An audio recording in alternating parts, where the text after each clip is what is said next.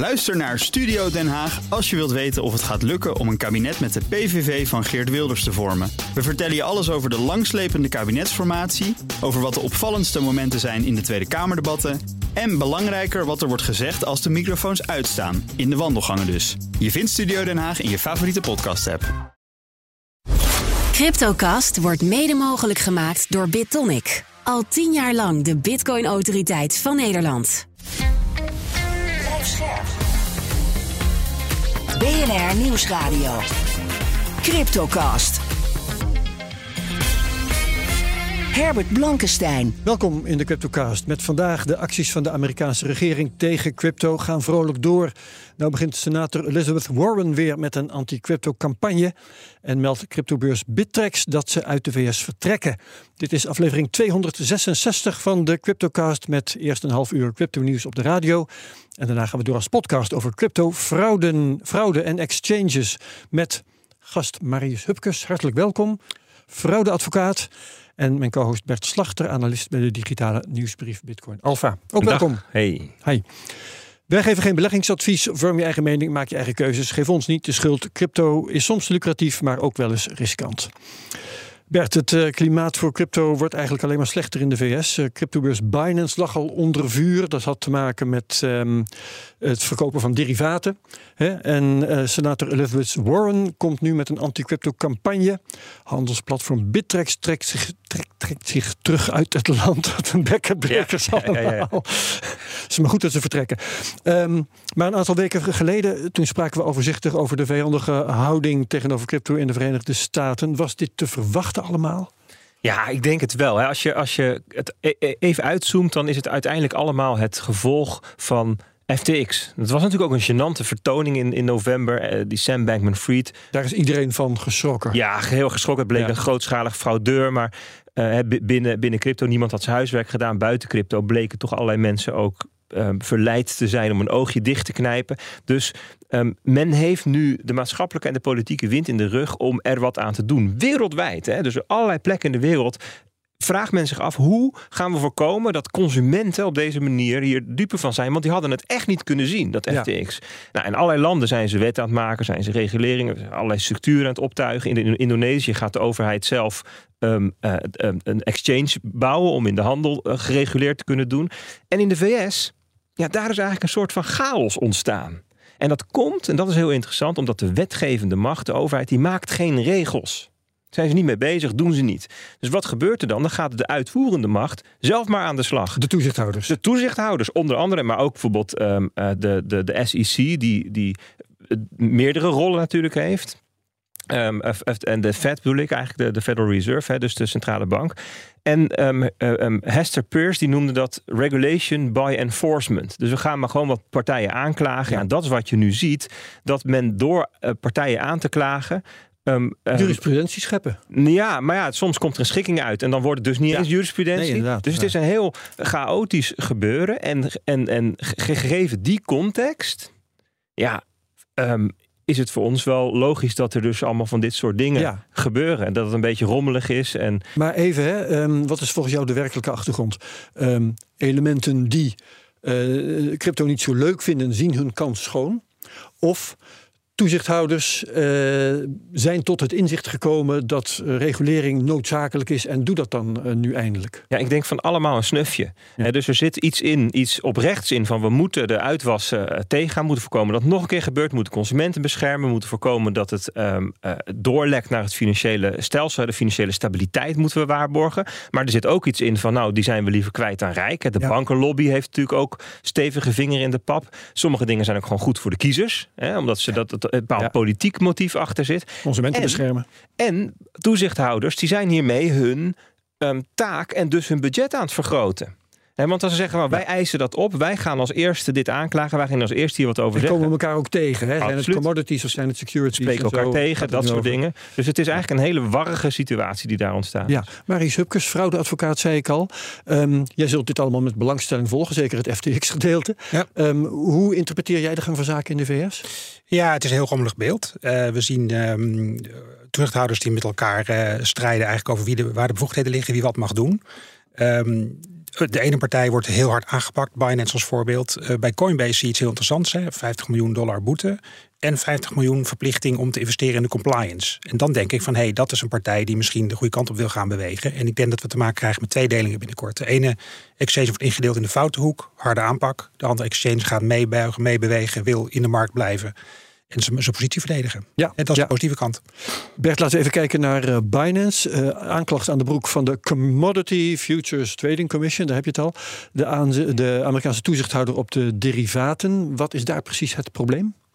Bij Binance, ja, dat is een goede vraag. Ik heb het uh, doorgelezen en dan ontstaat er echt een ontzettende lijst van ja, aanklachten. Hè? Want er is natuurlijk nog geen uh, rechtszaak geweest. Dus we weten niet uiteindelijk hoe er geoordeeld gaat worden. Maar ze worden beticht van um, het bewust om het uitsluiten van Amerikanen heen werken. Om um, uh, de ogen te sluiten voor criminele activiteit om de bedrijfsstructuur bewust ondoorzichtig te houden. Om te handelen, heel doortrapt, hè? te handelen tegen de klanten. Die is natuurlijk wel pijnlijk ook. Ze zeggen ook. Als dat waar is. Nou ja, precies. Dus je komt dan langzaam wel in de hoek van, van um, um, ja, dat je. Complotten. nou ja, fraude en, en gewoon het overtreden van allerlei basale regels. Um, ze verzonnen gegevens om door een audit heen te komen. Ze verhulden interne communicatie. Nou, die lijst is eindeloos. Dus Aanklachten, hè? dat moet bewezen worden in een procedure. Precies. Ja, ja, ja. ja. Oké, okay, wat mij interesseert omdat dit deel van het verhaal over derivaten gaat. We kennen een bedrijf dat in derivaten doet. Dat is Deribit. Ja. Voorheen Nederlands bedrijf zitten eh, binnenkort in elk geval in Singapore. Ik weet niet of ze. Ze zitten nu volgens mij in Panama. Ja, dat weet ik. Ja. Daar, daar, precies, daar zijn ze eerst heen gegaan. Maar ze zouden naar Singapore. In ieder geval, uh, heeft deze gang van zaken ook gevolgen voor Deribit? Nou, niet direct in de zin dat um, ze dus niet in de Verenigde Staten zijn gevestigd. Um, alleen um, stel dat ze dezelfde. Maar ze mogen hun diensten niet aanbieden, neem ik aan. Precies, maar stel ja. dat ze dus op dezelfde manier toch de Amerikaanse markt benaderen. Ja. Hè, dan zou, zou, zou zo'n soort. De CFTC die gaat over derivaten, die zou daar iets van kunnen vinden. Um, maar wat in, uh, misschien een directer effect is, is dat uh, er wellicht klanten naar hun toe zullen komen. En want dat zie je natuurlijk, dat klanten gewoon die bewegen ja. van de plek waar de risico's zijn naar de plek waar die nu nog niet lijken te zijn. Ja. Uh, dus misschien is het voor hun wel goed nieuws. Ja, en intussen hebben de SEC en de CFTC, de een gaat over securities, de ander over commodities, beleggingen versus goederen, die, die raken met elkaar in conflict. Um, wat merken we daarvan? Ja, dat ze beide iets vinden over wat er gebeurt. En dat ze um, daar in elkaar soms tegenspreken. Ja, dat bij Ethereum vooral, hè, als ik me niet vergis. Ja, Ethereum, maar ook bijvoorbeeld stablecoins. Hè. En stablecoin, daarvan zou je kunnen zeggen... dat is een security, want het lijkt heel erg op een geldmarktfonds. Maar je zou ook kunnen zeggen van... nee, het is ja, een, een, een, een ik weet niet waarom de CFTC er dan wat over zegt. Misschien omdat ze het vinden dat het een soort derivaat is. Want uh, een commodity ja. of een derivaat is nog weer wat anders dan een geld. Dus dat is een beetje de vraag. Het is een klassificatievraagstuk. Wat is ja. het? Um, en um, ja, in plaats van dat de. Kijk, je kunt het hun misschien ook niet kwalijk nemen. Hè? Je zou eigenlijk verwachten dat, dat de wetgever zegt: jongens, dit is hoe het in elkaar zit, dit is hoe wij het zien. En op basis daarvan gaan we, nou ja, misschien taken of bevoegdheden verdelen of zo. Hè? Of, of het volgt daar gewoon uit. Maar ja, dat gebeurt niet. En dus uh, ja. gaan ze hun gang. Ja, dan heb je Elizabeth Warren. Um, die is uh, uitgesproken anti-crypto en begint nu ook een uh, anti-crypto campagne. Ja, dat is, dat, is, dat is wel interessant. Zij, zij, zij begint haar campagne Hè, ook in, in, Voor herverkiezing als ja, senator. precies. Hè, dus dat, dat, is, dat heeft iets, een, heel, een, een soort heel lang aanlooptraject in, um, in politieke zin. Dat is niet iets wat heel erg nu speelt. En daarin was een soort van presentatie of, of hè, met, met vier verschillende thema's die dan langskwamen, waarvan er eentje crypto was. En toen heeft iedereen gezegd, oh, ze begint een anti-crypto campagne. Maar ze omarmt dat met veel plezier, hè, dus ze onderstreept dat. Ja, zij is bekend om haar kruistochten. Dat deed ze al tegen heel veel andere uh, sectoren ook. En uh, dus ze is daar beroemd en berucht om. Um, ja, en dan is de vraag, waarom doet ze dit? Waarom, waarom wil ze ja. nou crypto pakken? En ja, dus daar is ze zelf eigenlijk helemaal niet zo duidelijk over. Ja, natuurlijk om, ze, Wat het bezwaar precies is. Nou, dus, de, nou ja, ze het onderdeel met... van het verhaal is wel dat het slecht is voor consumenten. Nou ja, bijvoorbeeld hun geld kwijt. Ze maakt zich zorgen over het klimaat en mining. Dat is ja, eentje. Ja. Uh, witwas en criminaliteit. Dat is de tweede. En consumentenbescherming. Dat zijn dan de dingen die ze noemt. Maar de vraag is, maakt ze zich daar echt zorgen om? Hè? Want um, ze doet niet haar best om zich te verdiepen in de argumenten. Hè? Want ze is heel erg Um, zeg je dat? Ja, cherrypicking van, van argumenten. En ze gaat ook nooit het gesprek aan. Dus de vraag is of ze oprecht die bezorgdheid heeft. Ja. En um, je zou ook cynischer kunnen kijken. Zeggen van nou ja, weet je, zij doet gewoon datgene wat het lekker doet bij haar kiezers. En een andere die genoemd wordt, is dat, ze, uh, dat zij heel graag een central bank digital currency wil introduceren. En daar de weg voor vrij wil maken. En daar, daar is ze namelijk ook um, expliciet mee bezig met die CBDC. Ja, oké. Okay. Um, laten we het hierbij laten wat uh, Amerika betreft. We gaan er straks mee door. Maar nu eventjes de prijzen bespreken. Want dat doen we altijd rond deze tijd in het programma. Um, ja, we hebben spectaculaire stijgingen achter de rug. In maart was er ook weer, ik weet niet uit mijn hoofd, maar een procentje of 20 was er, uh, 22 geloof ik, bij de koers gekomen. Maar het staat nu al, als ik goed heb geteld, 19 dagen zo goed als stil. Uh, wat maakt die 29.000 dollar zo'n onneembare horde? Ja, dat is uh, een hele interessante. We hadden het al wel voorspeld in de zin van genoemd dat die uh, 28.800, dat, dat, dat is echt een, ja. een koersniveau waar dus weer weerstand. Ja. Een weerstand, ja, dat komt. Het was, dit is de openingskoers van 2021, dus daar wordt naar gekeken. En het is een aantal keer, keer of vier steun geweest in de boelmarkt van 2021. En dus in januari en in juni en ook nog in mei en juni van 2022. Dus het is gewoon een niveau waar heel veel partijen naar kijken, waar misschien nog wel um, uh, algoritmes of allerlei strategieën op gebaseerd zijn. Dus het is niet zo gek dat dit punt dan ja, nu um, ook weer zichtbaar wordt op ja, de op ja, dat, uh, ja, dat zijn magische grenzen, psychologische grenzen, al zijn het geen hele ronde bedragen. Klopt, nou ja, 30.000 dan misschien. Hè. Maar ja. kijk, en daar komt natuurlijk ook bij, we hebben natuurlijk een stijging gehad van 15.400 naar 29.000. Dat, dat houdt een keer op. 90 procent. Er is gewoon ook, er is gewoon ook een, er zijn ook gewoon mensen die op winst staan en die winst nemen nu. Ja, ja, ja. Um, ja, toch gaat het ook weer niet de andere kant op. Uh, we hebben aanklachten gehad tegen Binance, tegen Coinbase. Marius noemde het al. Ja, um, ja daar reageert de koers ook amper op. Ja, heel bijzonder. En dus um, je zag nog wel mensen dan zeggen van, um, en dat, dat, dus bijvoorbeeld op de 27e was die aanklacht tegen Binance en de koers ging 1000 dollar naar beneden. En dan zeiden mensen, nou, Bitcoin reageerde erop. Maar ja. als je heel goed gaat kijken, dan zie je dat die 1000 dollar daling al was voordat het nieuws bekend werd gemaakt, een uur daarvoor. En dat die daling ook te zien was op de S&P 500, dus gewoon de aandelenmarkt. Ja. Dus ik, zowel voor die van Binance als Coinbase zou je kunnen, uh, is, het, is het eigenlijk uh, beter te beargumenteren dat die dalingen die daar waren, helemaal losstaan ja. van die, van die aankondigingen. Uh, het ging ook heel snel weer terug. Ja. En het was ook dezelfde dag bijvoorbeeld die van Coinbase volgens mij dat Jerome Powell de, de rentebesluit had. Dus je zou inderdaad kunnen zeggen, het doet niets met de markt. Ja. En dat is interessant. Blijkbaar zijn de mensen die gevoelig zijn voor dit soort nieuws, ja, nu niet meer in de markt. Dat, dat, is, dat, ja. dat, is, dat is de meest voor de hand liggende. zijn weggejaagd en nog niet terug. Bijvoorbeeld. Ja, ja. ja. Um, intussen uh, ben ik eens rondgegaan en in de cryptopers. En ik had zeven verschillende berichten over uh, een nieuwe boelmarkt die eraan zou zitten te komen. Dan gaat het over indicatoren die heel gunstig staan. Over patronen die lijken op nou ja, toen.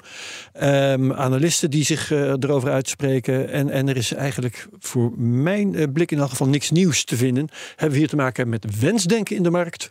Of zit die boelmarkt er echt aan te komen? Nou, ik denk dat je um, als je uh, de analyse doet van hoe zagen de boelmarkten of de bearmarkten en de boelmarkten de marktcyclus er tot nu toe uit, dus de mm. vorige keren, dat je kunt zeggen dat we nu een typische bearmarkt achter de rug hebben. Achter de rug, ja. ja dus die, die, die is geweest. De bodem is geweest. En we zitten nu in de herstelfase. die voorafgaat aan de volgende bullrun. die je dan zou kunnen plaatsen in de tijd in 2024. Dat is als je de normale marktcyclus hebt. die we eerder zagen. Mhm. Dus de vraag is nu. Is dit een normale? Is dit een normale? Is dit een typische bearmarkt? Of, want de omstandigheden, de context is natuurlijk wel anders dan andere keren. Omdat we nu. Ja, macro-economisch en misschien wel geopolitiek wel in een hele, hele veel grotere onzekerheid zitten. Dus stel dat er inderdaad een wereldwijde recessie komt en, en, en aandelenbeurs gaan nog heel veel lager. Wat gebeurt er dan? En, en ik denk dat het dus voorbarig is om te zeggen: joh, we hebben hem achter de rug, die bodem, en het moet nu omhoog gaan. En dan ja. doe je onrecht aan de context. Maar als je zou zeggen: eh, stel dat dit een typische marktcyclus is, ja, dan hebben die mensen gelijk. En zit je nu in de hele vroege vooravond van, van, van de volgende boelmarkt. Oké, okay, wat nog niks zegt over koersbewegingen op korte termijn. Vanzelfsprekend. Uh, iets waar je misschien uh, kort over wilt zijn, maar Elon Musk vervangt het Twitter-logo door uh, de hondenkop. En de koers van de Dogecoin gaat 20% omhoog. Ja, het is toch niet te geloven. um, en, en dan is de vraag van mensen: ja, bedoelt hier iets mee? Hè? Gaat, gaan we dan op Twitter kunnen betalen met Dogecoin? Dat is dan weer niet duidelijk. En, en nee, waarschijnlijk niet. Want hij heeft ooit in een soort van gesprekje op Twitter. Um, toen het ging over het kopen van Twitter, gezegd van nou misschien zou het ook leuk zijn als we iets met Dogecoin konden doen. Ja, en toen ook. Ging die koers omhoog. Precies. Ja, dus laten we- ik vind dat dus altijd. Nou ja, ik vind dat moeilijk. Ik denk dat er wel wat posities zijn ingenomen door bepaalde partijen die hiervan profiteren. En dat, Ja. dat klinkt misschien cynisch. Voor maar wetenschap. Dat, ja, dat Nou zou dat toch zomaar kunnen. Zou zomaar kunnen, ja. De- het gerucht ging dat eh, eh, Musk zei tegen zijn mensen: zei, joh, Ik heb geen geld voor een salarisverhoging. Maar als jullie nu allemaal Dogecoin kopen, dan pump ik hem morgen even. Ja. Dan, Oké, genoeg hierover. Eh, we gaan verder over de situatie in Amerika. Eh cryptosector eh, is in zwaar weer daar en dat wordt alleen maar sterker. Ehm, ja, de voorstanders van, van crypto in Amerika, dat waren traditioneel de, de Republikeinen. Is dat intussen anders geworden? Ik denk nog eventjes aan Elizabeth Warren. is democraat, hè? Die, ja, maar ze heeft met een wetsvoorstel dat ze heeft ingediend, heeft ze ook wel een Republikeinse bondgenoot. Ja, je ziet dat het wel dwars door de partijlijn heen loopt. Hè? Dus het gaat ehm, van links naar rechts aan beide kanten. Hoe noemen ze Ja, dat? Hè? Van, Overwegend meer Republikeinen voor crypto. ja, overwegend meer ietsjes. Dus, Democraten tegen. dus traditioneel is er, is er wel ehm, ehm, van nature iets meer, eh, in- eh, hoe zeg je dat? Vinden Republikeinen het prettiger omdat het, omdat het iets doet met vrijheid. Hè? Dat vinden de Republikeinen belang- belangrijk. En de Democraten die zitten meer op de surveillance en eh, dat iedereen zich eraan moet En de houden. Republikeinen tegen de overheid. Hè? Of kleine overheid Kleine willen ze dan graag. ja. Dus dat, dat klopt. Het past daar natuurlijk erbij. Ehm, en, ehm, alleen je ziet het nu wel door de verschillende, door de twee partijen heen lopen. Dus Ja. het, is, het is subtiel, maar inderdaad, subtiel gezien zou je kunnen zeggen de Wel heel interessant voor de kansen van eh, verschillende soorten cryptobeleid. Hè? Want dan krijg je eh, bipartisan dingen, maar ook Klopt. eh, Maar dus alle wetsvoorstellen, zowel Bondgenootschap. tegen als voor crypto, hè, dus zeg maar faciliterend en beperkend, die, die zijn, dat zijn allebei wetsvoorstellen geweest waar beide partijen aan meehielpen. Ja, ja, interessant. Ehm, cryptobeurs Bittrex eh, heeft laten weten dat ze zich gaan terugtrekken uit de VS, omdat de situatie rond de regelgeving daar in de VS te onzeker is. Is dat verstandig van ze om te doen? Ja, het is in ieder geval heel opvallend. Is het verstandig? Dat weet ik niet. Nee. Ehm, dat zal ook afhangen van hoe dit de komende negen maanden eh, of jaar ontwikkelt. Hè. Want ik denk wel dat we in aanloop naar de verkiezingen in de Verenigde Staten toe... dat er ook wat meer uitgekristalliseerd wordt. Omdat het lijkt toch ook wel een soort van verkiezingsthema te- themaatje te worden. Ja. Ehm, maar ze maken in ieder geval een enorm statement hiermee. En ze zijn heel expliciet dat ze weggaan als direct gevolg van de aanhoudende onzekerheid over de regelgeving en een gebrek aan belangstelling van Amerikaanse regelgevers voor verstandig beleid dat innovatie bevordert en de economie versterkt. Ja, Dat is, dat, nou, het, zo, zo, zo, zo beschrijven ze het zelf. De trieste realiteit is dat terwijl beleidsmakers en regelgevers in rechtsgebieden over de hele wereld samen met exchanges werken aan het vormgeven van de toekomst van de economie. Ja, de Amerikaanse tegenhangers zijn er blijkbaar op uit om de industrie uit te roeien. Dit is wat zij zeggen, als een soort van goodbye. Dus ja, het is wel een statement. Ja, het is wel een statement. Eh, de vraag is dan natuurlijk, eh, zijn zij het eerste schaap dat over de dam gaat? Of, of hebben zij misschien toch nog betrekkelijk weinig te verliezen op de Amerikaanse markt? Ja, dat zou kunnen. Die, die, die cijfers heb ik niet paraat. Eh, hoe, eh, hoe, hoe, hoe groot het verlies voor hen gaat zijn. Ehm, ehm, het- ja, Want voor Binance, voor, voor Coinbase lijkt het me geen optie. Nee, en de Coinbase die gaat natuurlijk heel, zit helemaal op de tour van we gaan vo- ons volledig samen met de wetgever gaan we proberen om het eh, hi- hier Ja. in Amerika vorm te geven. Dus- Maar gaat het, eh, Binance eh, heeft natuurlijk wel moeilijkheden door, door het aanbieden van bepaalde producten op de Amerikaanse markt. Gaat het nu voor Amerikanen moeilijker worden, echt serieus moeilijker om aan crypto te komen? Of valt dat mee? Nou, aan crypto komen zal wel meevallen. Zeker als het gaat om bitcoin en ether en stablecoins. Natuurlijk allerlei obscure muntjes worden misschien wel lastiger. Hè, omdat daar toch wel ehm eh, zeker ervan is dat dat wordt gezien als security straks. Ehm, maar daaraan komen, dat kan gewoon via Coinbase bijvoorbeeld. En er zijn ook allerlei wat meer Ja. traditionele financiële partijen die Dus het ook aanbieden. Coinbase profiteert dan. Ja, alleen, de, een, alleen zeg maar de handel en derivaten en allemaal dat soort dingen, die worden moeilijker. En een deel daarvan zal verhuizen naar DeFi, naar Decentralized Finance. Dat zie je nu gebeuren. Daar zet Coinbase bijvoorbeeld ook op in. En een deel, ja, dat verhuist dus naar het buitenland. En dan gaan de Amerikanen dat gewoon met een VPN'tje doen. Wat ze al deden, waar ze allemaal heel goed in zijn. zijn, hè? Het wordt wel moeilijker. Ja, maar ja, goed, weet je, Nederlanders die kijken ook of luisteren ook naar Olaf Mol met een, met een VPN, omdat het nu in België zit. Weet je, uiteindelijk als mensen ja, iets willen, dan komen ze er wel. Ja, en dan krijg je eh, wallets met ingebouwde VPN. Nou ja, het, is de, het is de vraag of een gezonde ontwikkeling is voor de, voor de industrie. Hè? Want dan kom je op eh, de Cayman-eilanden en de Virgin Islands en de Seychelles terecht. En eh, dat geeft allemaal juridische hobbels als er problemen zijn. Hè? Eh, dus je Ja. bent niet per se beter Wat af dus voor de consument gevaarlijker is, zou je kunnen zeggen. Ja. Maar, Nee, maar- Hupkes. Dat, dat is natuurlijk het grote probleem. Dat, dat ze, wat, wat Bittrex ook aanstipt. Jongens, jullie jagen iedereen juist ongereguleerde overseas, hè, naar offshore. Dat is hartstikke stom wat je doet. Ja, en cryptovriendelijk en eh, niet gereguleerd en dus gevaarlijk. Dat is eigenlijk dan bijna synoniem, zeg je eigenlijk.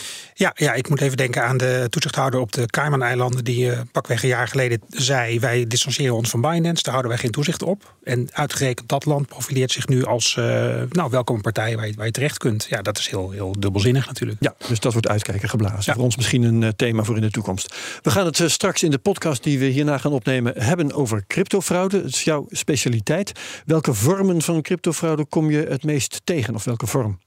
Wat je nu het meeste ziet, dat zijn uh, zogenaamde boiler rooms. Dat zijn websites die eigenlijk nepbeleggingen verkopen. Die worden betaald via crypto die bij een exchange wordt aangekocht. En dat geeft zo'n uh, zo'n frauduleuze scam, zeggen we dan, een boiler room gelegenheid om die bitcoins of die tethers gewoon rechtstreeks in een andere stroom uh, ja. weg te sluizen. Waarbij de rol van crypto dus vooral is om de, de geldstroom naar de criminelen zo moeilijk volgbaar mogelijk te maken. Correct. Ja, vroeger ging dat via banken, dat verschuift naar crypto. Ja. En uh, hebben de exchanges daar een uh, rol in die uh, genoemd moet worden? Ja, zeker. Um, er zijn exchanges, en dat zijn toch vaak de niet geregistreerde, de illegale exchanges, die de kanalen vrij wijd openzetten. Die hebben geen merkbare transactiemonitoring, geen alerts, geen alarmbellen die gaan rinkelen, blijkbaar. Of ze gaan af, maar er gebeurt niks mee. En die criminelen die tassen dat systeem voortdurend af. En die zoeken dan het laagste punt waar ze natuurlijk het snelste hun slag kunnen slaan. Ja, en is dat een speciaal groot probleem in Nederland? Dat speelt wereldwijd. Ja. de getallen, daar gaan allerlei verhalen over. Mij is zelf een getal bekend van 10 miljoen in twee jaar tijd. als je dat extrapoleert voor mensen die niet melden, niet naar de politie gaan, mensen die zich schamen, dan gaat dat nog om vele malen meer, denk ik. Ja. En vind jij dat veel? Ja, dat is een beetje de vraag hoe je dat ziet. Uh, fraude is iets van alle tijden. Ook in de traditionele bankkanalen waren er uh, frauduleuze betalingen. Uh, ja. het, is, het, is, heel ja, moeilijk de vraag is altijd, uh, het, het, het, verhaal is crypto, ja, dat is toch alleen maar iets voor criminelen. Um, is crypto meer iets voor criminelen dan de euro? Crypto heeft vooral eigen kenmerken. Ja. He, dus het snel verplaatsen naar exchanges in uh, offshore jurisdicties zoals de Seychelles, dat is met één uh, druk op de knop gebeurd. En als daar geen controles op zitten, dan zal een crimineel daar een voorkeur voor hebben. En dat, dat is een beetje het punt. Ja, nou daar gaan we uitgebreid over praten in de podcast, die we zoals gezegd hierna opnemen. Uh, hier eindigt de CryptoCast op BNR. Bedankt uh, mijn gast Marie Hupkes, fraudeadvocaat. Bedankt mijn co-host Bert Slachter van de digitale nieuwsbrief Bitcoin Alpha. Wie meegaat uh, naar de podcast, heel graag. Wie daar geen tijd voor heeft of om wat voor reden dan ook dat niet doet, is ook goed. En dan misschien heel graag terug tot ziens bij de CryptoCast op BNR volgende week. Tot dan, dag. CryptoCast wordt mede mogelijk gemaakt door BitTonic. Al tien jaar lang de Bitcoin-autoriteit van Nederland. Ook Hugo Reitsma vind je in de BNR-app. Superhandig die BNR-app. Je kunt alle programma's live luisteren, breaking nieuwsmeldingen. Je blijft op de hoogte van het laatste zakelijke nieuws. En je vindt er alle BNR-podcasts, waaronder natuurlijk de belangrijkste, Boeken zijn in de wijk. Download nu de gratis BNR-app en blijf scherp.